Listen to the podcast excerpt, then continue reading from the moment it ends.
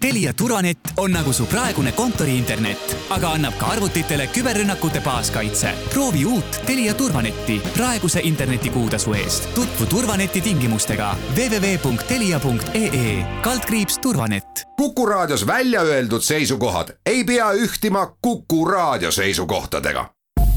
Te kuulate Kuku raadiot majandusruum. Tere, head Kuku raadio kuulajad, eetris on Majandusruum ja stuudios ajakirjanikud Harri Tuul ja Liina Laks ja täna räägime Christine Lagarde'i kõhutundest, et nimelt Euroopa Keskpanga juht ütles, et tal on selline kõhutunne, et võiks teha krüptoeuro või euro krüptoraha Äh, aga seejärel arutleme ka selle üle, et mis siin ähm, tehingute turul toimub, et siin äh, viimase nädala jooksul tuleb vaata, et iga päev mõni uudis ettevõtte äh, müügist Eestis või. või ostust või et kas on mingi müügihooaeg peale tulnud ja, ja, ja, ja kuidas me saame sellele aastale tagasi vaadata ka võib-olla ja ka saate teises pooles on meil külas kaks maksuametis inimest, et äh, Kaili Veiksaar ja Oskar Õun. ja räägime nendest siis, äh, nendega siis sellest ettevõtete maksukäitumise hindamisest, mis on mingi maksuameti selline uus tööriist ja. ja aga ka ümbrikupalgast, et äh, kus see levib, miks ta levib ja nii edasi. aga hakkame pihta, et endalegi natukene ootamatult lugesin siin, see oli vist eile jah et kui Bloombergis äh, kirjutati sellest, et äh, Euroopa Keskpanga juht äh, Christine Lagarde ta, tahaks luua oma digiraha, et noh, see sisuliselt oleks siis euro krüpto või. või krüptoeuro või ma ei tea, mis raha on, aga ütleme, kui praegu on niimoodi, et laias laastus on kahte sorti krüptorahasid. ja ilmselt kõige tuntum neist on Bitcoin, aga neid on ma pakun kuskil tuhatkond umbes suurusjärk või igatahes sadu erinevaid. ja need jagunevad laias laastus kaheks, ühed on need, mis on nii-öelda kellegi poolt kontrollitavad, et eh, ehk siis keegi annab neid välja ja keegi teine ei saa neid välja anda, ehk siis on nagu noh, kuhugi keskselt kontrollitud, nii ja siis teised, mille, millelt oodatakse nii-öelda tegelikult seda revolutsiooni. Need esimesed on tavaliselt ka seotud mingite müügiskeemidega ja, ja selliste noh, ütleme natuke kahtlased. ja teised siis äh, on sellised nii-öelda mittetsentraalselt äh, toodetud, vaid on niimoodi kodeeritud nii, et nad on äh, iseseisvad põhimõtteliselt ja igaüks saab neid juurde noh selle kohta öeldakse kaevandada, noh, et Bitcoin on selle klassikaline näide, aga noh, senimaani nad on ikkagi sellise, ütleme, tegutsevad nii-öelda äärealadel, ütleks mina, et, et ütleme, kui me võrdleme kasvõi euroga või dollariga või jeeniga, et noh, siin ei ole, ei kannata mingit võrdlust ja. ja nende põhiprobleem on see, et nad on hästi volatiilsed, et kui kõik keskpangad tegutsevad selle nimel, et noh, näiteks just räägime Euroopa Keskpangast näiteks, et raha ei, raha väärtus ei kõiguks hommikust õhtuni. ma ei tea, kümnete ja kümnete protsentide piires, vaid pigem väga selge eesmärk on, et oleks kerge inflatsioon seal ühe-kahe protsendi juures. Äh, ja vara väärtus püsiks, et, et siis noh, need Bitcoinide ja teiste krüptorahade väärtused äh, kõiguvad, et Äh, aga noh, selge on see, et kui nad, äh, samas nad annavad sellise ligipääsu teatud re regioonides, Aafrikas, Aasias üldse mingisugusele rahale, mingisugusele majandustegevusele ja nii edasi. Äh, samas minu jaoks nagu tundub, mulle tundub niimoodi, et kui need rahad muutuvad nagu piisavalt mõjukaks, kus nad hakkavad nii-öelda äh, riike segama, ma ei tea, USA-d näiteks, et. et siis äh, juhtub ka nende krüptovaluutadega, ütleme iseseisvate krüptovaluutadega midagi, sest et äh, noh ma ei tea, kui näiteks kogu narkokaubandus äh, liigub Bitcoinide peale, noh siis äh, lihtsalt see häkitakse või lahti või keelatakse ära või pannakse kinni või mis iganes aga miks on vaja, Liina, äh, näiteks Euroopa Liidul oma krüptoraha, miks üldse vaja on? vaata, kui sa mulle nüüd ütlesid, et tahad sellel teemal rääkida, siis ma kaevasin kohe lektüüri, sest iseenesest see idee ei ole Euroopas ka mitte midagi uut, et siin äh, tegelikult oli noh, peame natukene aastast, aastat paar tagasi minema, et kaks tuhat seitseteist oli suur äh, Bitcoini buum, siis hind liikus kahekümne tuhande peale, et kõik omasid coin'e. mina muuseas samamoodi pean siin tunnistama ausalt, et ka mul on siin Bitcoini ja siis noh. mul ei ole vot noh, ega mul ka palju varaklassi pole, aga siis, mis juhtus, oli, et, et noh tekkis selline kullapalavik, pärast seda Bitcoini hind kukkus hästi kiiresti kokku. aga siis te, hakkasid levima igasugused skeemid ja inimesed avastasid, et okei okay,, et meil ongi nagu selline variant nagu Bitcoin, kus me saame noh, tead nagu, nagu mitteametlikult teha midagi, et see on hästi nagu reguleerimata. et ostad ja müüd seal ja noh, siis noh, paljudele tundus nagu see idee vaata tore, et on selline mitte reguleeritud et kurjategijatel loomulikult ka, aga noh, ka tavainimesel, et noh, ei taha võib-olla pangas tegutseda, mis iganes. aga siis äh, vaadatigi, et see asi läks äh, nii massidesse, et noh tegelikult ka suured börsid USA-s tegid näiteks selliseid asju, et tehti, tehti siis vist minu arust krüptoraha indeksit, mida sa saad osta. nii nagu sa saad SB viiesaja indeksit osta ja igasuguseid muid hästi põnevaid asju. ja hakati ka vaadata ja siis juba räägiti, et teate, see krüptoraha, noh ta hakkab vist juba siin noh, päris rahale niimoodi ära tegema vaikselt et nagu me räägime võib-olla dollarist ja eurost, aga no ikkagi noh, kaubeldi kõvasti. ja siis noh, läks natuke aega edasi ja siis Facebook ütles, et kuule, ma teen ka oma krüptoraha. just, just, vot siin on võtmekoht, mulle tundub. ja siis kõik eh, riigid läksid leili, et oot-oot-oot, mida, sest et Facebookil on vist eh, kaks pool miljardit kasutajat kui ma nüüd õigesti mäletan, see number, ühesõnaga pöörane arv. ja siis riigid ütlesid, et oot, aga kõik hakkavad seda kasutama, siis mis, mis siis saab. ja siis hakatigi mõtlema, et kuidas seda reguleerida, mida teha. ja siis oligi niimoodi, et osad riigid ütlesid, et okei okay,, kui Facebook juba teeb, siis me teeme ka et see noh, see, et Euroopa Liit nüüd ütleb, et me, et me tahaks ka nagu katsetada ja proovida. me ei tea, mis laadis siis Lagarde mõtleb seda teha, ta ise ka ei tea. aga ega noh, ütleme Euroopa Liit on siin ikkagi nagu tagarinnas, sest et Hiinas juba katsetatakse, minu arust Rootsis on see ka mingisuguses katsetusfaasis. ja tegelikult neid katsetajaid riikide näol on ka teisi, kes ütlevad, et oota, kui teised teevad, siis me teeme ka aga ma mõtlen, et mille jaoks noh, tavatarbijal seda vaja on? tavatarbijal ei ole mitte milleks vaja, ma püüdsin ka aru saada, et mis on see loogika, et millega siis tuleb Euroopa Keskpank välja, noh põhjendusega öeldi, et maksud on kiired ja majandusele mõnus. ma hakkasin mõtlema, et oota, aga meil on nagu välkmaksed, et mis sul nagu seda häda. ja siis ma püüdsin kaevuda lektüüri ja noh, aru saada, et mida siis targemad ütlevad selle kohta ja ega noh, ei, targemad ka ei teadnud eriti midagi selle kohta öelda, et noh, peale selle, et oleks tore. aga siin vandenõuteoreetikud ütlesid, et noh, siis teate, kui sul on selline oma nii-öelda krüptoeuro. kusjuures Eesti Pank kohe selle peale läheb väga leili, ütleb, et ei tohi öelda krüptoeuro, et on mingisugune digikoin või kus siis on jumal. ühesõnaga, seal on mingisugused sõnasõjad juba tekkinud, kuigi me ei tea, kuidas see asi üldse hakkab olema. Äh, siis äh, noh, see ongi, et kas sa saad siis näiteks paremini äh, inflatsiooni kontrollida. siis osad vandenõuteoreetikud ütlevad, et jaa, et siis on paremini suruda inimestel läbi näiteks negatiivset intressi. igasuguseid muid põnevaid asju, pluss on muidugi väga tore, kui sul on selline noh, nii-öelda krüptoeuro. siis tõenäoliselt ja see on nagu noh, Euroopa Keskpanga poolt tehtud, siis see on see värk, et kui keegi teeb, siis noh, tema kontrollib. ja siis ta näeb ka paremini, kes, kuhu, kellele raha liigutab, eks ole.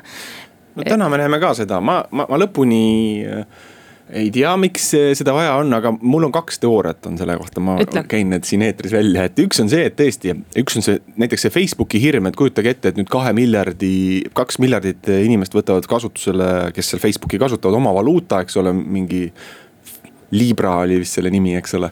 et noh, see läheb ju täiesti riikide kontrolli alt välja, et see ei ole noh, see ei ole lihtsalt aktsepteeritav.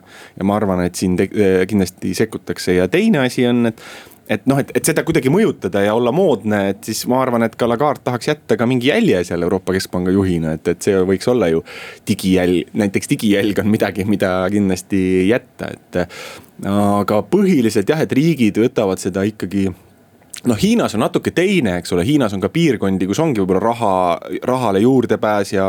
ja, ja üldse see majanduslikule heaolule juurdepääs raskendatud ja võib-olla krüptoraha noh, annab sellise kiirema võimaluse, eks ole. aga Euroopas ju seda probleemi tegelikult väga suures ulatuses ei ole, et, et küll aga saab võib-olla euro mõju laiendada. viies ta näiteks Aafrikasse või Aasiasse, aga teeme väikese pausi ja tuleme võib-olla teema juurde korra veel tagasi. majandusruum jätkame saatega. Äh, stuudios ajakirjanikud Harri Tuul ja Liina Laks ja rääkisime siin krüptorahadest pikalt ja.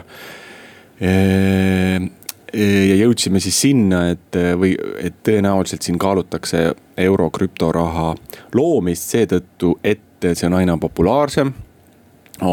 on tulemas uued rahad näiteks Facebookist ja, aga kas on USA, USA-st ka räägitud, Liina, mingisuguse krüpto see on samamoodi räägitakse tegelikult, sest et noh, praegu ongi niimoodi, et kuidas ma ütlen, see on keskpankades, see tundub, et on selline natukene trendi asi. et kui noh, Hiinad ja teised teevad, siis teised ei taha nagu maha jääda mm. -hmm, ja USA-s ei ole minu teada sellest mingit noh sellist kindlat programmi, et nüüd hakkame testima midagi sellist, aga räägitud on.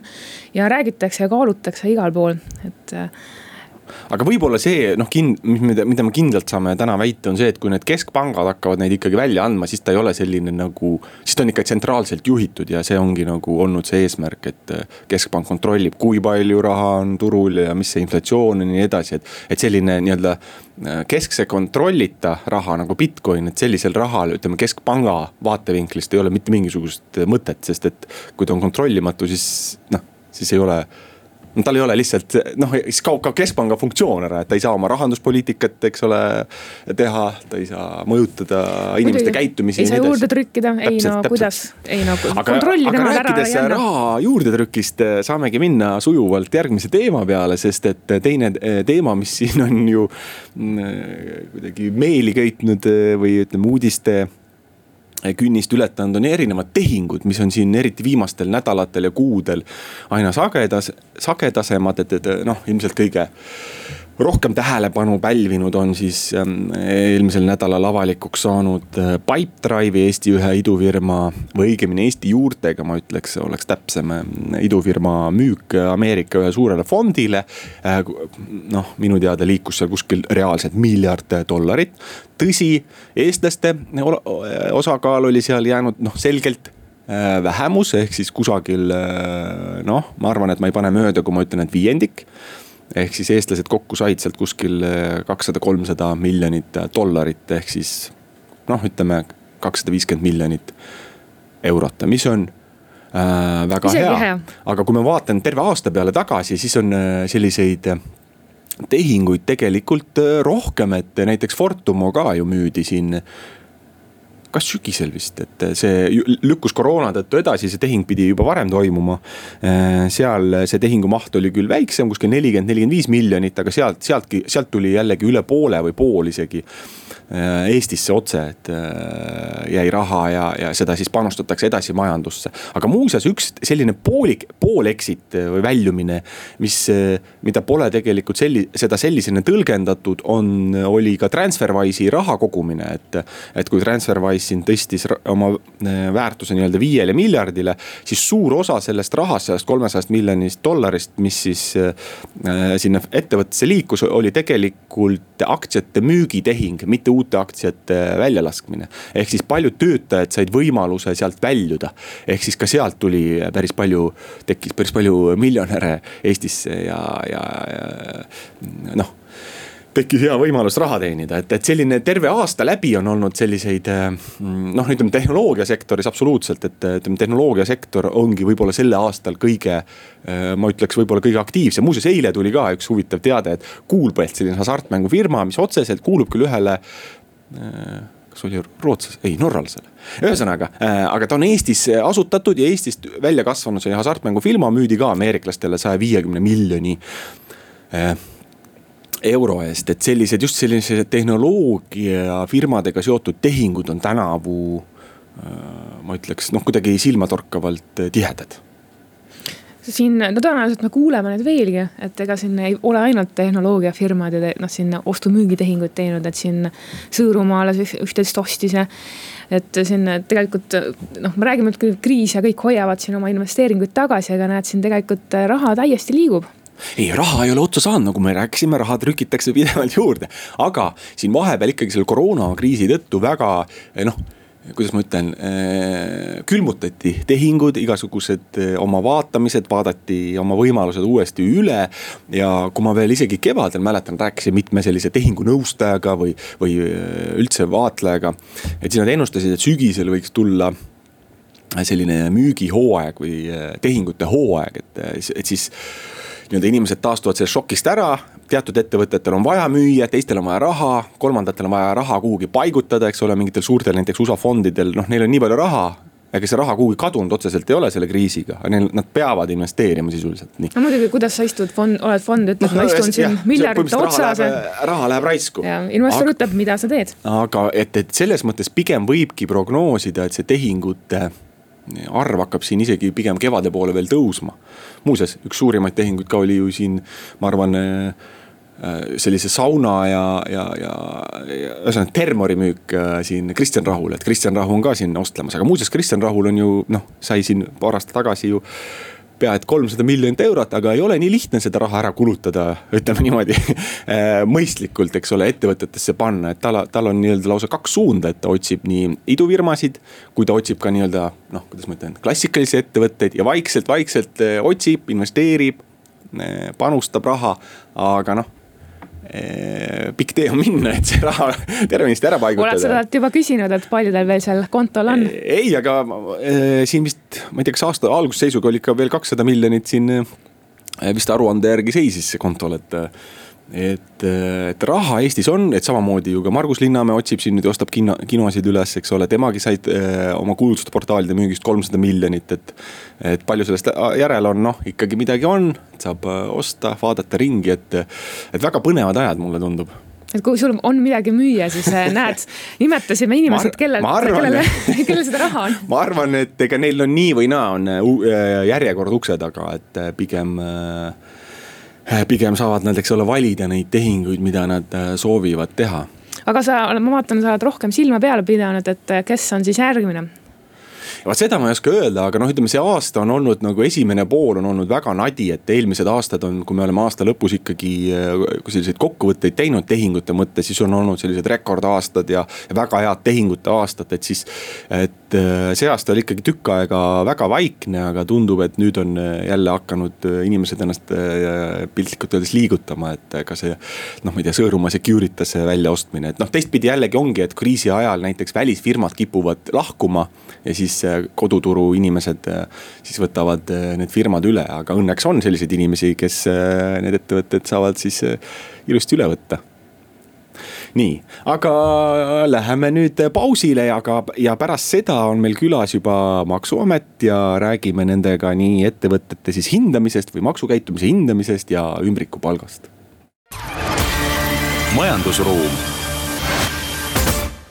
jätkame saatega, stuudios ajakirjanikud Harri Tuul ja Liina Laks ja meil on külas äh, kaks äh, maksuameti tööt-, maksu- ja tolliameti töötajat.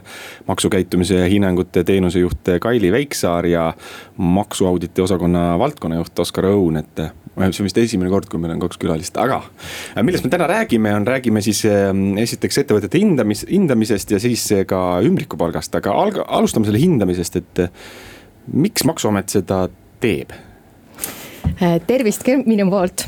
Äh, miks maksuamet annab hinnanguid? on siis see, et me tahame anda äh, võimalikult paljudele ettevõtjatele tagasisidet, kuidas Maksu- ja Tolliamet teda näeb ja seda me siis teeme hinnangute vormis ja hästi lihtsal valgusfoori meetodil, et me ütleme siis ettevõttele, kas ta on roheline, punane või kollane. mis need värvid tähendavad värvid ongi hästi lihtsad, et kui sa oled roheline siis sinu maksuasjad on kõik korras. kui sa oled äh, kollane, siis sul on mõningad puudused ja kui sa oled punane siis sul on sellised olulised puudused, mida kindlasti Maksu- ja Tolliamet tahaks, et sa üle vaataks ja kui võimalik, siis ka korda teeks kas see puudutab äh, nii-öelda kõiki ettevõtteid, mis on kantud, äh, ma ei tea, äriregistrisse, et seal on ju noh, sisuliselt ka selliseid, millel, ma ei tea, puudubki tegevus või, et kuidas te neid näiteks hindate mm? -hmm. tegelikult tõesti, kõiki päris ei puuduta. Äh, kui äriregistrisse circa tõenäoliselt on kantud kuskil kolmsada tuhat ettevõtjat, siis meie anname hinnanguid saja kuuekümnele tuhandele ja need on siis nii käibemaksukohuslased ettevõtjad kui mitte käibemaksukohuslased. Äh, aga peamiselt siis sellised ettevõtjad, kes esitavad Maksu- ja Tolliametile kas deklaratsioone, kas töötamise registri andmeid või meil on siis kogutud mingeid muid taustaandmeid võla äh, süütegude maksumenetluste äh, kohta. ja ühtlasi anname siis ka hinnanguid käibemaksukohuslasest füüsilistele isikutele. aga jah, põhireegel siis on see, et meil on mingid andmed selle ettevõtja kohta ehk siis ta noh, ütleme, kui ma lihtsustaks hästi lihtsalt, et kas ta on siis näiteks korra makse maksnud või, või midagi sellist? jah, tal on näiteks deklaratsioonide esitamise kohustus jah, või tal on töötajad tõesti palgal, et tal mingi majanduslik tegevus siiski toimub aga kuidas see talle üldse seda äh, teada annate mm? -hmm. me annamegi seda teada äh, e-teenusega, et meil on siis alates juuni lõpust, kui ettevõtja siseneb e-MTAS-sse, siis tal on uus menüüpunkt e-MTAS, mille nimi on hinnangud. ja kui ta siis sinna läheb siis tegelikult ta kohe näeb ära, et me oleme veel hinnangud jaotanud kahte plokki. on maksukuulekuse hinnang ja maksuasjade korrasoleku hinnang. ja Äh, siis ta äh, tegelikult kohe sealt näeb siis ära, äh, mis hinnangu me talle andnud oleme. ja ühtlasi, kui tal on seal puudusi, siis näeb siis seal hinnangus kas kollast või punast värvi. siis ta saab minna detailselt vaatama, mis täpselt siis meie siis kuvatud puudused on. näiteks siis ütleme ettevõtjale, et tal on võlg Äh, kui näiteks võlg on ajatatud, siis äh, või võlga pole, siis ta on roheline. kui on äh, võlg teatud suuruses ja pikkuses, siis ta on kollane ja kui on juba pikem ja suurem võlg. või on tegemist maksujõuetusmenetlusega, siis ta on näiteks seal võlanäitajas punane. aga meil neid komponente või näitajaid tegelikult on erinevaid ja neid on kokku kaksteist tükki. mida me siis kõike tema all vaatame, muuhulgas siis ka näiteks süütegusid, kas tal on maksumenetlusi Äh, läbi viidud, vaatame ka, kas ettevõttel on ümbrikupalga risk äh, ja siis näiteks ka maksuasjade korrasoleku hinnangu all äh, võrdleme siis konkreetselt deklaratsioonidel esitatud andmeid. nii et hästi erinevad näitajad, jah okei okay,, aga kes selle hinnangu ikkagi annab, et kui palju seal on, ma ei tea, kui palju see on automatiseeritud, ma ei tea, mingisugused, ma ei tea, nii-öelda. kratid, ütleme, kratid on vist see sõna, mida Eestis kasutatakse, et. ja kui palju inimene vaatab sinna sisse mm? -hmm. jah, tõesti ongi tegu automatiseeritud andmetöötlusega siis ja see andmetöötlus käivitub siis meil iga öö nii et meil on äh, kogu aeg siis äh, värsked andmed, et näiteks kui raamatupidaja teeb siis deklaratsioonil paranduse ja järgmine päev siis läheb seda vaatama ja ta on selle tõesti selle vea ära parandanud ja meie süsteemist ka ilusti läbi jooksnud, siis see on järgmisel päeval näha. nii et tõesti automatiseeritud andmetöötluse protsess, aga äh, on ka selline klausel, et kui ettevõtja ei ole rahul oma hinnanguga et ta tunneb, et me oleme selle vea talle kuvanud siis ebaõiglaselt, sest ometigi on ju tegemist kratiga, eks ju mm. -hmm. et äh, siis on tal alati võimalus meie poole pöörduda äh, siis me vaatame koos tema argumendid üle ja jah, meil on võimalus ka hinnangut muuta. kas äh kas ma võin nii ka järeldada, et te tegelikult näete ettevõtte maksejõuetust mõne, mõnikord ka ette? Äh, noh, me otseselt äh, ennustamisega ei tegele, aga äh, jah, nii-öelda nende samade mitmete näitajate pealt me võimegi juba teha järelduse, et seal ettevõttes võib probleeme tekkida, näiteks vastutava isiku taust äh, on meil selline näitaja, mis vaatab selle ettevõtte vastutavaid isikuid, näiteks siis juhatuse liikmeid. kas tal on eelnevates ettevõtetes, eelnevate ettevõtete all tekkinud võlg ja siis juba see näitaja on tal tegelikult kas kollases või punases, olenevalt võla suurusest. nii et see juba tegelikult võibki eeldada, et kas tal võib järgnevates ettevõtetes tekkida probleeme või siis, kui see äh, võlg siis nii-öelda kaheteist kuu jooksul nii-öelda kustub, et me kuvamegi kaheteist kuu siis äh, hinnangud, siis äh, tõenäosus, et ettevõte jätkab sama suutlikult, on, on ikkagi olemas aga kuidas ütleme, ettevõtjad seda vastu, selle teenu-, ma ei, ma ei tea, kas see on siis teenus või. teenus ikka, e-teenus jah, teenus vastu on võtnud ettevõtjad on vastu võtnud selle väga kenasti, meil on nelja ja poole kuu jooksul äh, kakskümmend kolm tuhat kasutajat olnud, kes vähemalt ühe korra on juba teenust kasutanud. Äh, igapäevaselt külastab meid circa kolmsada seitsekümmend kasutajat Äh, on olnud ka sellega siis probleeme, et äh, vaikimisi tegelikult hinnanguid näebki ettevõtte juhatuse liige. tegu on maksusaladusega, äh, mm. kuigi jah, raamatupidaja esitab deklaratsioone, aga meie modifitseerime selle hoopis uueks andmestikuks ümber.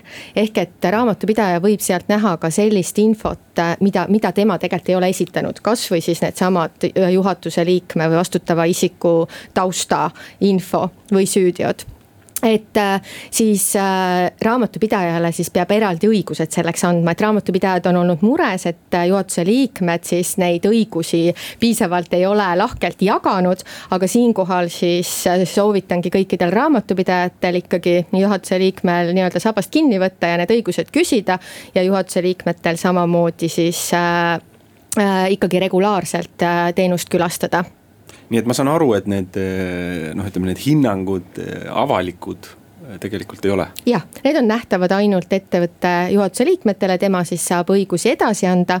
aga me järgmisel aastal märtsikuus plaanime siis ka seda teenust selliselt edasi arendada, et ettevõtjal oleks võimalus siis näiteks oma tehingupartneritega või siis ka täiesti avalikult EMTA kodulehel oma hinnanguid avalikustada. et see on siis järgmise aasta plaanides kuidas teil muidu olukord on, et palju need ettevõtted siis punases ja kollases on mm? -hmm. tegelikult olukord on hea, et circa kuuskümmend üks protsenti siis äh, kõik sellest saja kuuekümnest tuhandest on tegelikult rohelises. peaaegu sada tuhat siis on rohelises umbes? jah peaaegu jah no,, üheksakümnega just nii, siis äh, kuskil üks viiendik siis kakskümmend protsenti on punased ja üheksateist protsenti siis kollased.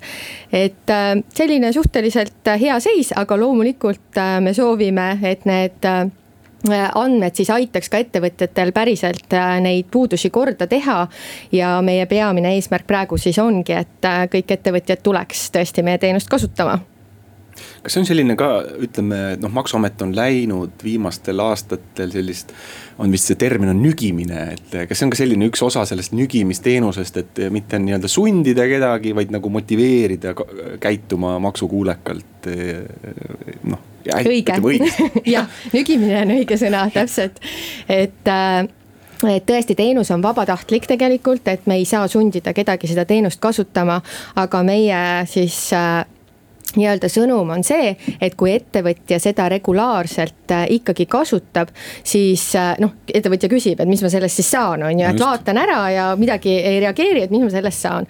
siis äh, ettevõtjal on ikkagi, kui ta on rohelises, siis on väiksem tõenäosus, et auditi maksukontroll päriselt tema poole pöördub kui tal on kõik äh, rohelises, siis äh, ikkagi EMTA silmis on ta korrektne maksukäituja. aga jah, see ei välista, et siis äh, maksukontroll võib pöörduda, sest näiteks ka tehingupartneri mingite erinevuste, vigade tõttu on ikkagi maksukontrollil õigus ettevõtet tülitada aga kuidas teile sealt paistab, et ütleme siin neli pool kuud on yeah. see kasutusel olnud mm, -hmm. kas see, need värvide osakaal on kuidagi siin eh, muutunud ka selle aja jooksul või on see liiga lühike aeg, et hinnanguid anda mm? -hmm. see on natuke lühike aeg jah, ja kuna me tegelikult äh, lisame ka teenusesse täiendavat infot, et kui me juunikuus tulime teenusega välja, siis meil üks näitaja väljamaksed näiteks jäi täiesti tühjaks, et me seda äh, siis nii-öelda veel ei sisustanud ja me nüüd siis äh, alles hiljuti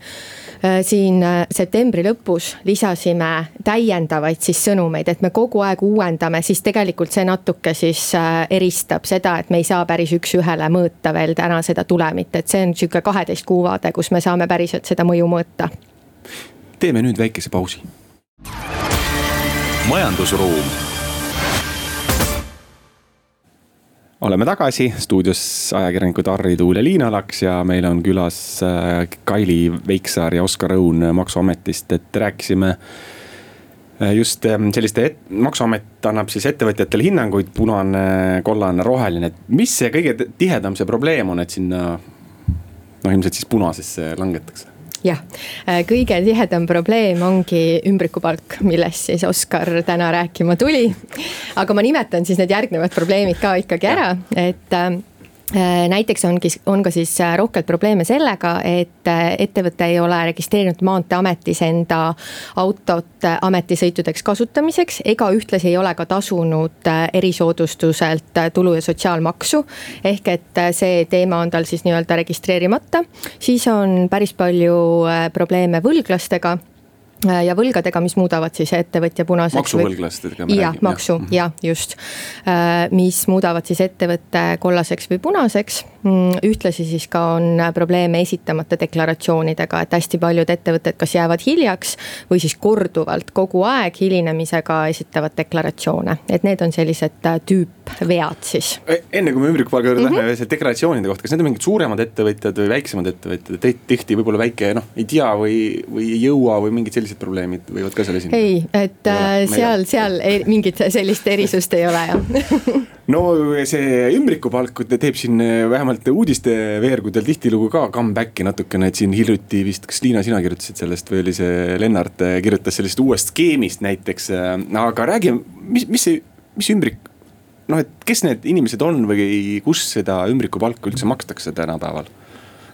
Tere ka minu poolt jah, et äh, siin äh, Kuku raadio stuudios on ilus vaade, et äh, esmalt võib-olla jah, et, et mis loom see ümbrikupalk üldse on, et, et, et, et me nagu saaksime ühtemoodi aru, et ega täna ümbrikupalk ei ole enam nii-öelda palk, mis siis tööandja paneb ümbriku sisse ilusti oma, oma väikeste näpukestega ja annab töötajale selle üle.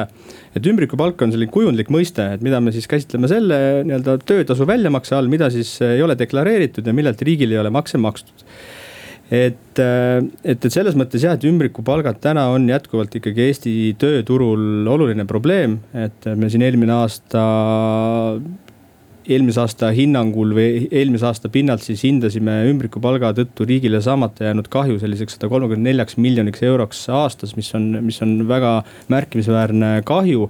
et ühelt poolt on oluline nii-öelda selline fiskaalne mõõde riigile, teiselt poolt on hästi oluline, et ümbrikupalkade tõttu saab oluliselt kahjustada meie konkurentsikeskkond, et et kui me tahame olla selline avatud, väike, innovatiivne riik, avatud välisinvestoritele, siis noh, ma arvan, et äh, välisinvestorid on, on, on selgelt huvitatud sellest, et, et meil oleks aus ettevõtluskeskkond, et oleks võimalik võrdsetel alustel konkureerida siin kohalike ettevõtjatega ja. ja mitte siis selline, et me oleme kuskil selline džunglis, kus kehtivad džungliseadused ja, ja, ja maksude, maksude maksmise peale vilistatakse, et. et ümbrikupalgad selgelt on Maksu- ja Tolliameti järelevalve suunal fookus number üks me oleme siin viimased kolm-neli aastat sellega väga kõrgendatud tähelepanu all tegelenud, me oleme oluliselt rohkem ressurssi sinna suunanud ja ja, ja, ja teema, millest me täna räägime siis hinnangutest, et, et selline hinnangute e-teenus on siis üks selline lisahoob eh,, millega me loodame siis ka ümbrikupalga järelevalves sellist olulist. kuidas te need ära tunnete üldse, ma ei tea, või kaht-, noh arvam-, arvate, et seal võiks mm. olla ümbrikupalk? nojah, et ma pean võib-olla selle kohe selle müüdi murdma, et ega Maksu- ja Tolliamet ju tegelikult nii-öelda Lõõtsa tänava kontoris istudes ei tea, kes maksab ümbrikupalka, et meil on, meil on ports andmeid, meil on infot, me peame oma kõige tugev, kõige suuremaks tugevuseks tegelikult nii-öelda andmeanalüütilist võimekust siis riske, riske hinnata, riske tuvastada ja, ja, ja nendele reageerida. et me võrdleme piltlikult öeldes siis ettevõtjate nii-öelda andmeid eh, võrdlusgrupiga, ehk siis nii-öelda, kui me räägime ehitussektorist näiteks, siis meil on teatud hulk ehitusettevõtjaid, kelle andmeid me siis nii-öelda, maksuandmeid me näeme, kes meile andmeid deklareerivad. ja, ja me siis nii-öelda hindame sealt neid anomaaliaid. Noh, näiteks kui meil on Tallinnas tegutsev kolme töötajaga ehitusettevõtja, kelle keskmine töötasu on seal tuhat viissada eurot näiteks bruto kuus. ja siis meil on seal kõrval eh, sama töötajaskonnaga ehitusettevõtja, kes maksab oma töötajatele seitsesada eurot bruto kuus brutotöötasu, millest siis veel maksud maha lähevad. et noh, siis tekitab küsimusi ja, ja, ja see tekitab siis ka nii-öelda maksuriski, mille osas me siis üritame saada ettevõtjatelt siis ka selgitust, et, et mille, millega siis on see põhjendatud ja kuidas on võimalik siis selliste näitajatega reaalselt siis konkurentsis püsida. aga mis on need ikkagi need noh, ma ei tea, skeemid, ütleme, et tõesti, kui ümbrikus keegi ei anna, aga kuidas see, mis need on tüüpilised, ma ei tea, kaks-kolm tükki no,, mida kasutatakse? ega ümbrikupalga maksmiseks, selles mõttes ümbrikupalga maksmine nagu maksupettuse mõistes on hästi lihtne, lihtne pettuse liik, et, et seal ei ole väga palju skeemi vaja, seal on vaja kahepoolset kokkulepet töötaja on nõus ja tahab saada ümbrikupalka ja tööandja vaates siis tööandja tahab oma nii-öelda maksukulusid siis vähendada, optimeerida, tahab siis maksta ümbrikupalka. et kui kaks osapoolt on selles kokku leppinud, siis on juba selles mõttes eh, loovusel enam piire ei ole, kuidas seda raha siis üle antakse, mismoodi. et nagu ma alustasin, siis ega ümbrikupalk täna ei ole nii-öelda sõna otseses mõttes ümbrikupalk, et, et noh, nii-öelda arusaadavatel põhjustel nii-öelda sularaha käitlemine ja sellega toimetamine on mõnevõrra tülikas, noh kes ikka siis viitsib iga kuu ümbrikupalka minna siis kontole panema ja sealt siis nii-öelda oma, oma kommunaalmakseid maksma. et noh, pigem me täna näeme sellist äh, väga lihtsalt siis kas läbi juhatuse liikme kontode, läbi seotud isikute kontode, seda raha kandmist lihtsalt ja isegi võib-olla võib selgitusse olla ülekandena ka palk märgitud kenasti, aga lihtsalt seda palka ei deklareerita riigile, et. et selles mõttes ei ole vaja mingisugust väga hullu skeemi vaja välja mõelda. et lihtsalt juhatuse liige kannab nii-öelda oma kontolt äh, kellelegi teisele sõb, nii-öelda sõbrale raha üle, et ja, ja noh, võib, võib, võib ka sellisel juhul võib ka näiteks laen kirjutada sinna ja, ja siis noh, eks siis maksumenetluse raames siis tuleb välja selgitada, mille eest see laen anti ja kuidas siis, miks siis tagasi pole hakatud maksma ja, ja selles mõttes igasuguseid selliseid põnevaid näiteid on, on meie igapäevatöös täitsa olemas. aga kes, no ütleme sektorite mõttes, kas need on endiselt need mis, mis ma ikka siin ise räägin, et mis sektorid on kõige rohkem nii-öelda haavatavad või, või puudutatud? et noh, eks ümbrikupalk on ikkagi selles mõttes puudutatud eelkõige sektorites, kus meil on äh, väga suur roll tööjõul ja, ja tööjõumahukad sektorid. et täna räägime ehitussektor, teenindus, äh, majutus, toitlustus, äh, veondus, et kus meil on väga suur nõudlus tööjõu järele ja kus see nii-öelda tööjõukulu osakaal kogu ettevõtte kulubaasist on äärmiselt suur või, või oluline et äh, kindlasti nii-öelda üks mõõde on ka sellise võib-olla noh, madalama lisandväärtusega sektorite osas, et, et me, me ei näe täna nagu muret äh, ITK sektorist, äh, kus, kus noh, selles mõttes ei ole võib-olla noh, pigem me räägime tööjõu olulisest, tööjõupuudusest ja, ja ollakse valmis headele töötajatele maksma õiglast ja head ametlikku palka, et, et pigem, pigem sellised madala, madalama lisandväärtusega sektorid ja, ja, ja, ja, ja kõrge tööjõu, tööjõuvajadusega sektorid, et et eks, eks, eks see nii-öelda noh, ehitussektor meil täna on loomulikult äh, suuresti huviorbiidis ja, ja, ja läbi ka nii-öelda nende pikkade alltöövõtuahelate see vastutus kipub seal hajuma ja, ja, ja, ja, ja see siis seal, seal me neid probleeme ka rohkem näeme. kas selle aasta see kriis on ka, ma ei tea, mingi muudatuse toonud või mingi trendipöörde? Me oleme nii-öelda valmistunud ette halvimaks stsenaariumiks, et, et noh, selge on see, et, et kui majandusel tervikuna läheb, läheb kehvasti, teatud sektorites läheb kehvasti, siis võib see tuua surve ka varimajanduse kasvuks, et me, me seirame seda täna igakuiselt. mis puudutab nüüd ümbrikupalga maksuriskide suurenemisse või vähenemisse, siis õnneks me täna, me ei näe otsest seost nüüd koroonakriisil ja ümbrikupalga tendentsi kasvul, et, et, et me ei näe seda hüppelist kasvu. küll aga me oleme valmistunud selleks, et see, see kasv võib tulla et kui me räägime siin ka võib-olla majutussektoril, noh, täna ikkagi on selgelt, selgelt ikkagi väga suured raskused, et, et kuhu need töötajad edasi lähevad. noh, me näeme täna mõnevõrra ka, ka sellist ten, tendentsi, et, et, et töötajad, kes võib-olla on jäänud täna tööta, nad võtavad ennast riigile töötuna, riigikassast siis nii-öelda töötuna arvele. ja, ja samas siis teevad mustalt tööd, et nii-öelda mitte siis kaotada seda hüvitist, et see kindlasti on üks ohukoht, mida me seirame, mida me jälgime ja mida me kindlasti ei soovita mitte kellelgi teha. et, et see lõppeda, lõpp, võib siis lõppeda sellega, et, et ma pean maksma oma, oma oma, oma, oma tulumaksu ja siis lõpe, lõpe, lõpeb ka nii-öelda see toetuse maksmine mulle aitäh, äh, meil olid külas Maksu- ja Tolliameti maksukäitumise hinnangute teenusejuht Kaili Veiksaar ja Maksu- ja Tolliameti maksuauditi osakonna valdkonnajuht Oskar Õun. stuudios olid ajakirjanikud Harri Tuul ja Liina Laks, kohtumisi majandusruumis järgmisel nädalal. majandusruum